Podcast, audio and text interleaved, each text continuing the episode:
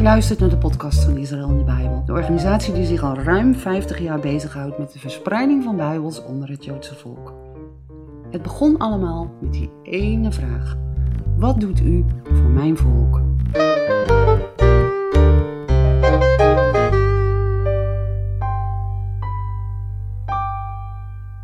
Mijn naam is Jacqueline Lohman.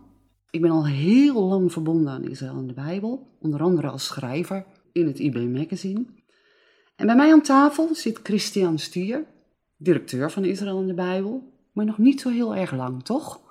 Nee, dat klopt. Ik ben nu uh, ruim uh, een jaar, anderhalf jaar, ben ik uh, directeur van de stichting.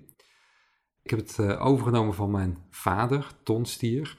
Hij heeft het weer overgenomen van Jacob Klein Haneveld en hij is de oprichter van de, de stichting. Nou, fijn. Welkom. Wat doet u voor mijn volk? Een simpele vraag, maar met een staartje. Er zit een verhaal aan vast. Ja, dat klopt. Ja, het is uh, uh, 50 jaar geleden begonnen, het werk van uh, Stichting Israël de Bijbel. En dat is eigenlijk uh, ontstaan uit een vraag van een Joodse gelovige, Dr. Michelson, Arthur Michelson. Die had een ontmoeting met Jacob Haneveld tijdens een conferentie. Jacob Haneveld was een van de sprekers ook uh, daar zo. Hij sprak heel veel over Gods plan met Israël. En na afloop van die conferentie toen uh, stelde Arthur Michelson hem de vraag van, maar wat doe je nou feitelijk voor het Joodse volk? En toen realiseerde um, Jacob Kahaneveld zich van, ja, ik spreek wel heel veel over Israël, maar wat doe ik er nou eigenlijk echt daadwerkelijk voor?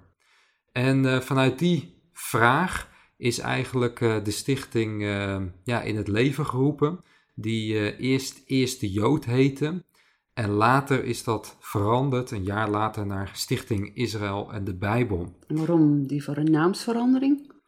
Ja, Israël en de Bijbel. Uh, het, uh, het, het, zegt eigenlijk al heel veel. Israël, het volk, het land Israël. En tegelijkertijd ook de Bijbel.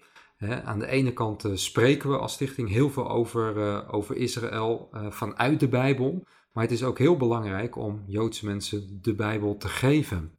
Het is wel leuk om te vertellen dat uh, Arthur Michelson, die uh, is zelf opgevoed in een uh, Joods-orthodox gezin. En die had een heel verwrongen beeld van het Nieuwe Testament. hij dacht dat het een, een antisemitisch boek was, waar hij zich verre van moest houden. En toch is hij het op een gegeven moment gaan lezen en kwam tot de ontdekking dat het een door en door Joods boek is ja, langzamerhand raakte hij ervan overtuigd dat Jezus wel de Messias moet zijn. Ja, hij heeft zelf heel veel onder zijn eigen volk ook uh, gewerkt. Heel veel bijbels ook mogen verspreiden, het evangelie mogen delen. En uh, ja, hij heeft die visie altijd uh, uitgedragen. En je zou kunnen zeggen dat hij Jacob de Haneveld daarmee heeft aangestoken. En dat er toen nog meer gevolgd zijn? Ja, inderdaad, ja. En dat daaruit het werk van Israël de Bijbel is ontstaan. Dus het belang is eigenlijk ook Gods woord verspreiden onder het Joodse volk. Ja, dat, is het. Dat is echt het hart van het en werk. En hopende dat ze net zoals Dr. Michelson die Bijbel zullen grijpen en dat, dat Gods woord hun uiteindelijk ook zal grijpen. Ja, ja, ja, ja, absoluut. Nou begrijp ik dat er vanaf 72, 70 veel is samengewerkt met de dames de Kok en Goedhart. The ladies from Amsterdam. Ja, ik uh, zou willen dat ik ze uh, beter gekend had, want uh, het waren echt twee hele bijzondere dames. Ja, jij was nog klein. Ik was nog klein. Ik kan ze me nog wel herinneren. Ik ook.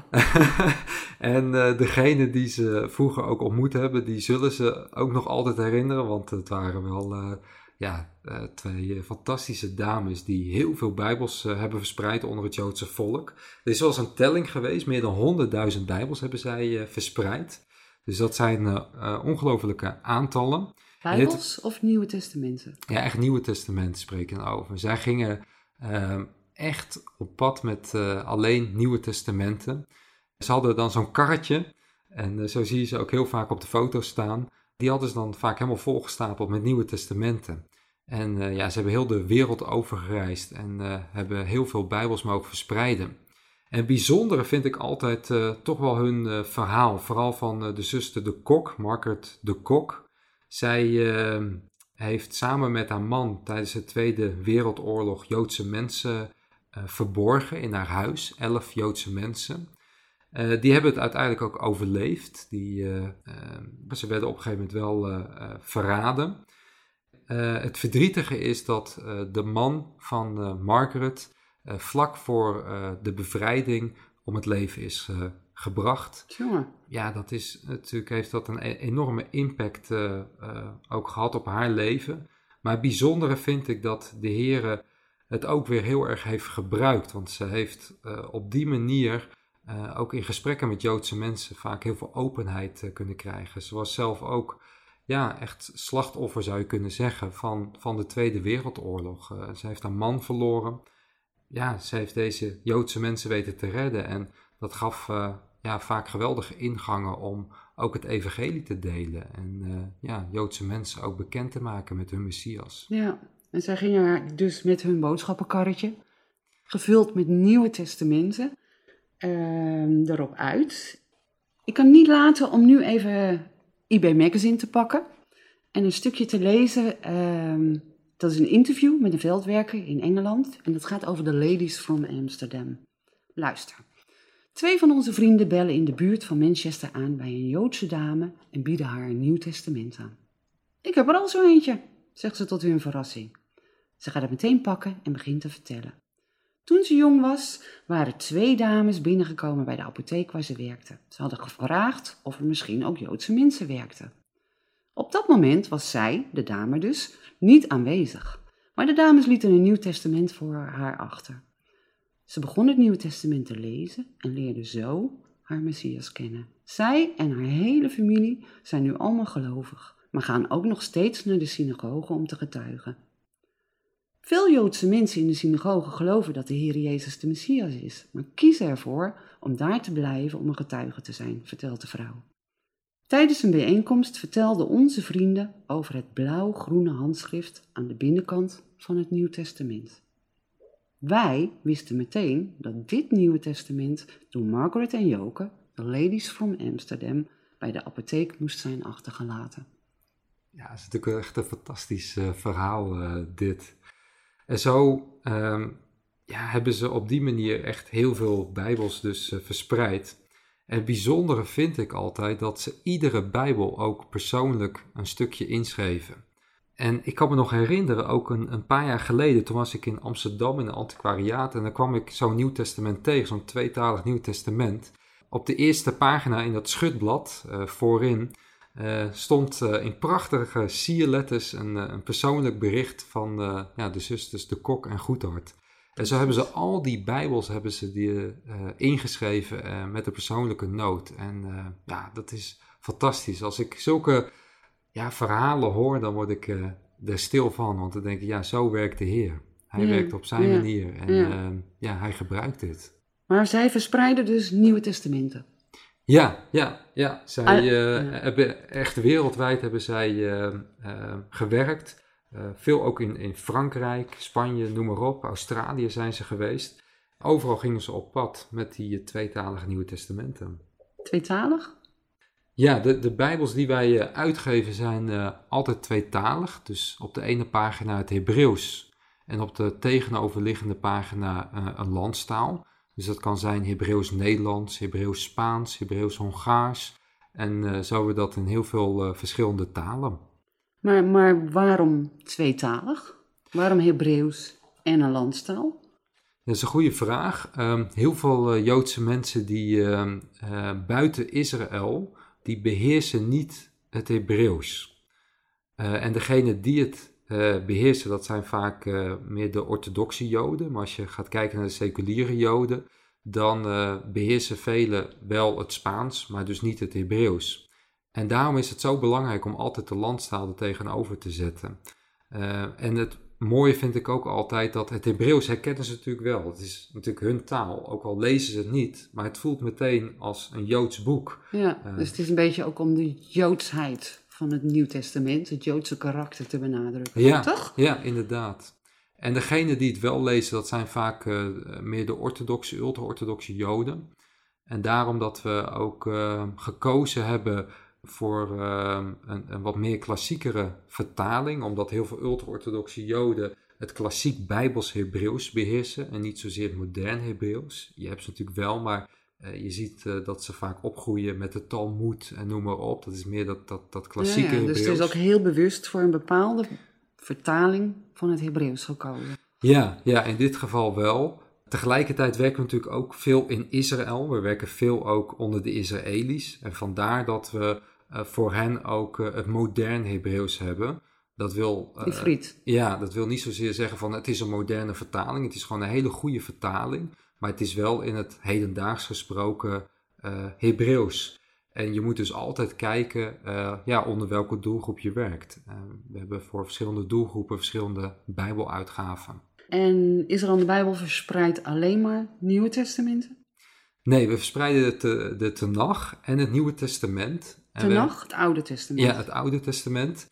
En we hebben bewust gekozen om uh, het uh, echt twee aparte boeken te houden, dus het Oude en Nieuwe Testament te scheiden, omdat we ook een hele aparte bediening hebben onder de Joodse gemeenschappen en vooral ook in de synagogen. In de synagogen zullen ze niet zo snel het Nieuwe Testament aannemen. Het gebeurt wel, ik heb het zelf ook wel meegemaakt, dat ze geïnteresseerd zijn, dat ze zeggen, ja, het is een onderdeel van onze Joodse geschiedenis, dus ik wil het eigenlijk wel eens lezen. Maar in zijn algemeenheid uh, alleen de Tenach.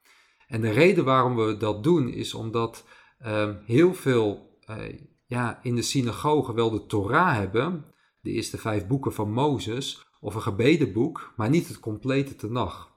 En daarom ehm, dat we in de synagoge ook de Tenach verspreiden. Want dan kunnen ze doorlezen vanuit de Torah naar de profeten. En het zijn juist de profeten die spreken over de Messias, over de Heer Jezus Christus. En doorlezen naar het Nieuwe Testament eventueel, toch? En dan is het misschien tegelijkertijd een hele Hollandse vraag. Waarom niet een complete Bijbel? Dat is toch veel praktischer? Nou ja, Goedkoper? Ja, dat is wel een hele goeie ik weet dat de SDS nu net ook een complete Bijbel heeft uh, uitgegeven. Dus er is zeker ook uh, uh, een groep waar, waar dat zeker kan. Alleen voor heel veel Joodse mensen is het behoorlijk een drempel om een Bijbel aan te nemen. dus dat is een reden. En wat ik net ook al zei, we hebben dus echt een speciale bediening ook in de synagogen. En daar kun je alleen maar werken met de Tenach. En als je het hebt meer over orthodoxe, ultra-orthodoxe Joden, is het vaak een drempel om het Nieuwe Testament te gaan lezen. Dus vandaar dat we het dan gescheiden hebben, zodat ze dat uh, los kunnen bestuderen. Snap ik. Dus er wordt nooit gewerkt met iets als flyertjes, met een pakkende boodschap of een andere, kortere uitgave van iets. Ja, we hebben uh, naast de Bijbels hebben we uh, eigenlijk twee bijzondere uitgaven. Uh, de een, dat is de Hebreeënbrief in het Hebreeuws en in het Jiddisch. Dus we hebben gekozen voor een apart Bijbelboek. De reden waarom we dat hebben gedaan is omdat het een kleine uitgave is. En uh, dit boekje dat is speciaal bestemd voor ultra-orthodoxe Joden. Die beheersen het Jiddisch. Dat ziet eruit als Hebreeuws en het klinkt als Duits. Het is eigenlijk een eigen taal die ze ontwikkeld hebben in, in de middeleeuwen. En dit is een heel klein boekje wat ze stiekem in hun binnenzak kunnen meenemen. Uh, voor heel veel ultra-orthodoxe Joden is het een behoorlijke stap om een Nieuw Testament aan te nemen. Het is vaak ook te groot om in een binnenzak te stoppen. En als je het nou echt hebt over de minst bereikte groepen, dan zijn het echt de ultra-orthodoxe Joden. Vele, ik durf zeker wel te zeggen dat 80, 90 procent echt nog nooit het Nieuwe Testament hebben gelezen. En wat is het dan mooier om hun... Misschien zelfs ook niet helemaal het Oude Testament hebben gelezen. Nee, nee, nee, nee. We ontmoeten heel veel ultra-orthodoxe Joden die wel heel druk bezig zijn eh, met de rabbijnse geschriften en de Torah. Maar als je het hebt over, ik noem wat, de messiaanse profetieën, dan is dat voor velen echt totaal onbekend. Dus dat is een uitgave. En het tweede, uh, nog heel kort, dat is... Uh, we hebben ik, ik, ik heb nog één vraag. Waarom snel in hun binnenzak? Heeft dat met sociale controle te maken? Ja, zeker. Ja, onder de ultra-orthodoxe Joden is een enorme grote sociale controle. Als je... Uh, ik heb meerdere keren in Brooklyn gewerkt, ook in Antwerpen. Maar daar stoppen anderen in de buurt om te luisteren waar je het over hebt. Dus dat zijn vaak hele korte gesprekken die je hebt. En uh, de sociale controle is, uh, is heel groot. Dus vandaar dat ze dat dan stiekem in hun binnenzak uh, steken en ja, verder gaan. En de andere uitgaven? Ja, die andere nog een bijzondere uitgave. Die andere uit... de alle Bijbels, want die zijn allemaal bijzonder. maar er is nog een bijzondere uitgave. Ja, dat is een boekje, dat zijn we afgelopen jaar hebben dat uitgegeven. Dat, dat, is een boekje met profetieën. Die gaan over de eerste komst van de Heer Jezus, maar ook de wederkomst van de Heer Jezus. Kernprofetieën, dus denk uh, aan het lijden, het sterven en de opstanding van de Heer Jezus. Ik noem wat Psalm 22, hè, die daarover gaat. Mijn God, mijn God, waarom hebt u mij verlaten? Een hele krachtige profetie. Maar we merkten in gesprekken met Joodse mensen dat, vooral met Israëli's, dat ze ook steeds meer vragen krijgen over de tijd waarin we nu leven, waar het naartoe gaat. Ik bedoel, het antisemitisme, dat groeit enorm. Onvoorstelbaar, maar dat groeit inderdaad weer enorm. Ja. Ja. En, en ja, het is al een stuk omringd door alleen maar antisemitische landen. Dus die dreiging die neemt meer en meer toe. En uh, in gesprekken merkten we dat uh, ja, heel veel eigenlijk de profetieën niet kennen. Vandaar dat we uh, profetieën ook op een rijtje hebben gezet. Die spreken over de tijd waarin we nu leven. Ja. Denk aan bijvoorbeeld Zachariah 12, waar we lezen dat Jeruzalem gemaakt zal worden tot een bedwelmende beker voor alle volken rondom. Een hele actuele profetie. En ik geloof echt dat we in die opmaat uh, ja, leven ook richting de eindtijd. Dus uh, zulke profetieën staan erin, maar ook profetieën met betrekking tot de wederkomst van de Heer Jezus en de oprichting van het koninkrijk, het herstel van Israël. En voor velen is dat uh, ja, zijn dat onbekende profetieën. En dit boekje laat eigenlijk uh, behandelt zowel de Oud-testamentse profetieën die daarover gaan, Mm. en laat meteen ook de connectie zien met het Nieuwe Ja, ja, ja. Testament. En ze kennen de profetieën niet omdat ze geen Bijbel hebben. Wat tegelijkertijd weer benadrukt dat er veel meer Bijbels onder Joodse mensen verspreid moeten worden. Absoluut. Ja. Ja, ja. Ja, maar er is nog één bijzondere uitgave. En daar moet je heel kort over zijn, want daar gaat een aparte podcast over gemaakt worden. Maar je moet hem wel even noemen, want hij is best heel bijzonder. Ja, dat is eh, de Backpack Bijbel. Er zijn eh, zo'n 75.000 Israëlische backpackers, waarvan veel jonge backpackers, die na hun militaire dienst dan op reis gaan. Daar is eh, enorm veel geestelijke nood onder. Velen die raken verstrikt in de Oosterse religies. En eh, speciaal voor hen hebben we de Backpack Bijbel. Dat is het Nieuwe Testament in het eh modern Hebreeuws, in het Ivriet, want velen spreken dat natuurlijk. Klein, waarschijnlijk. Hij is heel klein, Moet wel in je rugzak hij passen. moet in je rugzak Ja, ja, ja. passen, een mooie rits eromheen. Maar wat je zegt, eh, we zullen er kort over zijn, want daar komt nog een aparte Ja, ja, ja, nee, over. maar daar komen we uitgebreid op terug met David van Wijk en Hans Huizen. Die daar beide bij betrokken zijn geweest, althans bij de verspreiding van de Backpack Bijbel. Dan zijn jullie ook, of wij eigenlijk, online behoorlijk actief. Maar één dingetje willen we wel noemen. Het Jiddisch Nieuw Testament. Online. Ja, dat is eh, ook een nieuw project. Ja, Ik vertelde net al over de Hebreeënbrief in het Hebreeuws en Jiddisch. Eh, daar zijn we eind vorig jaar mee uitgekomen, dus eh, eind 2018. Maar we merken dat de Garedim enorm groeien. Binnen nu en 40 jaar is het de grootste stroming binnen het Jodendom. En wat ons opviel is dat ehm, het Jiddische Nieuwe Testament eigenlijk niet online is te vinden. Er is nog niet echt een goede website. Er zijn wel oude PDF-bestanden. Maar er is eigenlijk nog niet echt een website speciaal voor de Garedim, voor de ultra-orthodoxe Joden. Een ander woord voor ultra-orthodoxe Joden is Garedim. We zijn dus nu begonnen met het digitaliseren van het eh, Jiddische Nieuwe Testament. En we willen eigenlijk eh, ja, dat binnen nu en een half jaar ook online hebben staan. Een goede website waar ze dat eh, heel anoniem kunnen lezen. En dat we in die Hebreeënbrief ook eh, ja, kaartjes kunnen doen waar ze dus het complete Nieuwe Testament eh, kunnen gaan lezen en tot zich kunnen nemen. ja prachtig. Prachtig. Eh, maar we gaan even terug naar de praktijk van het werk. Hey, neem ons nou eens denkbeeldig mee op reis. Waar en hoe ontmoet je Joodse mensen? Hoe gaat dat? Spreek je ze gewoon aan? Neem ons eens mee. Ja, dat is, we hebben eigenlijk twee takken, dat eh, vertelde ik net ook al eh, Ja. een beetje. Ja? Het ene is het straatwerk en de andere is dus via synagogen. Wat me overigens opvalt, dat is, eh, ik ben bijvoorbeeld, heb heel wat synagogen bezocht in, in Spanje. En tijdens onze laatste reis zie je dat ook heel veel synagogen niet meer op internet staan vanwege het antisemitisme. Dus het wordt best wel steeds lastiger ook om de Joodse gemeenschappen te vinden omdat men bang is ook voor aanslagen. Nogmaals, we hebben twee eh, takken. Aan de ene kant eh, de Joodse gemeenschappen eh, bezoeken, de synagogen, noem maar op, de bibliotheken. En aan de andere kant hebben we dan het straatwerk. Dan ben je dus op straat. Hoe gaat dat dan? Spreek je Joodse mensen zomaar aan? Hou je ze staande? Wat zeg je dan?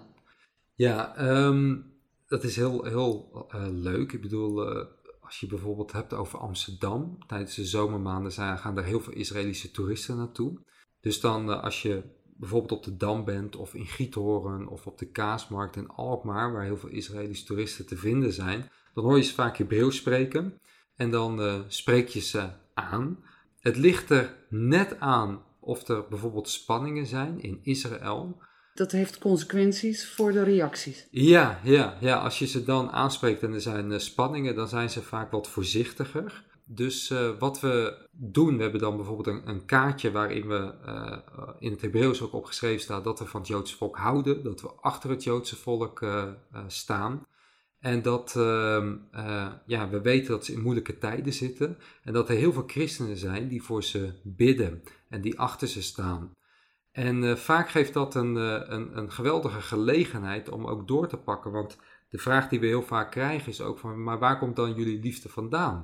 We worden door zoveel mensen gehaat. waarom houden jullie dan van ons? En dan kun je prachtig getuigen dat je ja, eh, de Tenach, het Oude Testament hebt gelezen, maar ook het Nieuwe Testament. Dat je de Heer Jezus hebt mogen leren kennen als je Messias. Ja, dat uh, het Nieuwe Testament een door en door Joods boek is. En, en dat de Heer Jezus in de eerste plaats kwam voor de verloren schapen van het huis van Israël. En dat geeft vaak een geweldige kans om te getuigen, maar ook om ze uit te dagen om dat Nieuwe Testament zelf eens een keer te gaan lezen. Krijg je ook wel eens boze reacties? Heel afwijzend? Of waar haal je de duffe moed vandaan om? Ja, het gebeurt wel. Uh, een enkele keer gebeurt dat. Dus we hebben wel eens uh, te maken ook met uh, afwijzing. En ook als je het hebt over bijbelverspreiden. De een die neemt hem aan en de ander die zegt nee, dankjewel. Dus daar, daar wordt ook heel verschillend op gereageerd. Als je kijkt naar de seculiere Joden, daar merken we echt heel veel openheid. Zij staan nogmaals open voor alles. En ja, ze willen alles lezen en bestuderen, dus ook wel dat Nieuwe Testament. Het is ook gewoon een heel mooi boek, hè? Om te hebben. Ja, het, ziet, er, er prachtig uit. prachtig uit. Ja. Stevige kaft eromheen, verzorgd. Ja, ja, ja, we gaan echt voor kwaliteit. Als je het nou echt hebt over de orthodoxe en de ultra-orthodoxe Joden, dan is vaak die drempel inderdaad uh, groter. Dan heb je veel meer te maken met afwijzing. En dan gaat het echt om die enkeling. Ja. En het bijzondere vind ik, uh, ik verspreid nu zo'n 10, 12 jaar Bijbels, maar het is God die mensen op je pad brengt. Hij is de werker, hij is degene die het doet. En natuurlijk, dan heb je te maken met afwijzing, maar je hebt ook te maken met zulke bijzondere momenten die je ja, zelf niet kan regisseren. Dat kan alleen maar de Heer doen. Die dan mensen op je pad brengt. En die je dan, uh, ja, waar je echt een, een, fantastisch mooi gesprek mee mag hebben. En die je een Bijbel mag geven. Ja, nou dat is ook zo. En je weet uiteindelijk niet wat het verder teweeg gaat brengen. Uh. Nee, je merkt wel vaak in, in gesprekken dat er een drempel is om het Nieuwe Testament gewoon eens te gaan lezen. En dat is vaak de insteek ook met gesprekken om Joodse mensen die drempel over te helpen. Om ze ja, gewoon uit te dagen om het zelf eens te gaan lezen en te bestuderen en te ontdekken hoe Joods het is. En dat het een, een, onderdeel is ook van hun Joodse geschiedenis. Hé, hey, maar stel, stel dat een van onze luisteraars dat ook zou willen doen. Ze zouden een Bijbel willen hebben, een aantal Bijbels willen hebben om te verspreiden. Hoe pakken ze zoiets nou aan? Nou, ik zou zeggen, neem allereerst contact met ons op. Wij hebben uh, ook een boekje. Want de Bijbels zijn gratis, hè? neem ik aan. Ja, de Bijbels uh, die zijn uh, gratis. Zolang het maar naar Joodse mensen gaat. Dat uiteraard, is uiteraard. Israël en de Bijbel, hè? en uh, we hebben ook een, een, boekje dat heet De Bijbel Teruggeven. En daar staan ook ja, mooie tips in. Uh, met allerlei achtergronden ook van het Joodse volk. Maar ook tips van hoe kun je nou zo'n gesprek opbouwen. Ja, welke groepen zijn er onder het Joodse volk? Welke uh, Bijbels en welke materialen kan ik daar het beste voor gebruiken? is eigenlijk een heel praktisch boekje als je naar Israël gaat of je gaat naar een andere plek. Want bedenk dat het Joodse volk over heel de wereld is te vinden, niet alleen Israël. Nee. Ja, lees dat boekje eens en doe het vooral met een biddend hart. Ja. Het is God die het doet en Hij uh, brengt mensen op je pad. En uh, als je dat verlangen hebt, dan zou ik zeggen echt uh, grijp het aan en, en doe het vooral biddend. Ja, en dan is het heel vaak de Heer die heel verrassend uit de hoek kan komen. Ja. Met alle respect gesproken. Ja, zeker. Ja. Ik denk dat onze tijd erop zit. Is er nog iets wat je wil zeggen? Nou, ik moet denken aan eh, dat jij zelf tijdens een zomervakantie dat ook een keertje hebt gehad. Ja, ja, ja. Niet? Ja, zeker, zeker. En, en ik weet niet hoe ik dit lange verhaal heel kort kan vertellen. Wij hadden Bijbels meegenomen naar Hongarije. Op vakantie. Op vakantie. Ja, opgehaald. Dat ging helemaal mis. Planning klopte niet. Timing klopte niet. Het was 40 graden, dus het ging helemaal mis. Want je wilde naar de synagoge. Ik wilde naar de synagoge. Ik had het helemaal bedacht. Ik had alleen niet zo goed bij nagedacht dat je tijdens je vakantie ook wel eens de dagen niet zo goed meer in je hoofd hebt. Dus ik stond daar op Sabbat. Dicht natuurlijk. Maar goed, eh, uiteindelijk op onze weg naar huis ontmoetten wij een man eh, die een beetje werd getriggerd door onze jongste zoon. Onze jongste zoon is autistisch, trekt zich van de hele wereld niemand aan, dus liep dus ook hem gewoon straal voorbij. En hij had daar op een of andere manier klik mee. Eh, hij, hij moest er naar kijken en we raakten in gesprek. En het bleek dat hij al eigenlijk in reservetijd leefde. Hij was het hospice uitgegaan na drie maanden. En eh, het bleek dat hij ook Joods was. En de Hebreeuwse taal ma- machtig. Prachtig. Prachtig. En ik hoorde dat zo aan. Toen dacht ik van yes. Want hij sprak natuurlijk geen Hongaars, maar hij wel Hebreeuws. Dus uiteindelijk hebben wij toch die Bijbel kunnen geven. En wie weet, wie weet wat de uitkomst daarvan is. Want ja, misschien leeft hij al lang niet meer, want hij, is heel, hij was heel erg ziek. En eh, wie weet kom ik hem ooit nog eens tegen. Het zou wel heel bijzonder zijn. Ja, het zou heel bijzonder zijn, ja, ja. Maar dan heb je het inderdaad ook over dat je denkt van, suffert, dan sta je daar op Sabbat voor een synagoge, hoe kan je nou zo dom zijn? En dan denk ik van, ja, misschien heeft de Heer wel gewoon gewild dat ik het aan hem zou geven. Ja. Hij, eh, hij had een, eh, een katholieke vader en een Joodse moeder. Had ook niet zo heel veel met het geloof, maar hij wist veel van de katholieke kerk, wist veel van het eh, Jodendom, kende de taal. Dus ja, wie weet, wie weet. Dus ja, ik heb dat ook een keer meegemaakt en ik moet zeggen, dat is ook zo bemoedigend. Als je dat een keer echt zo'n knipoog van boven krijgt, dat je denkt van yes heer. Maar goed, tot slot. Wil je meer weten over de verspreiding van bijbels onder Joodse mensen? Kijk eens op onze website israëlindebijbel.nl of vraag eens een gratis proefnummer aan van IB Magazine. Zwijgen over de Messias, over de Heer Jezus, is geen optie. Heel graag tot onze volgende podcast.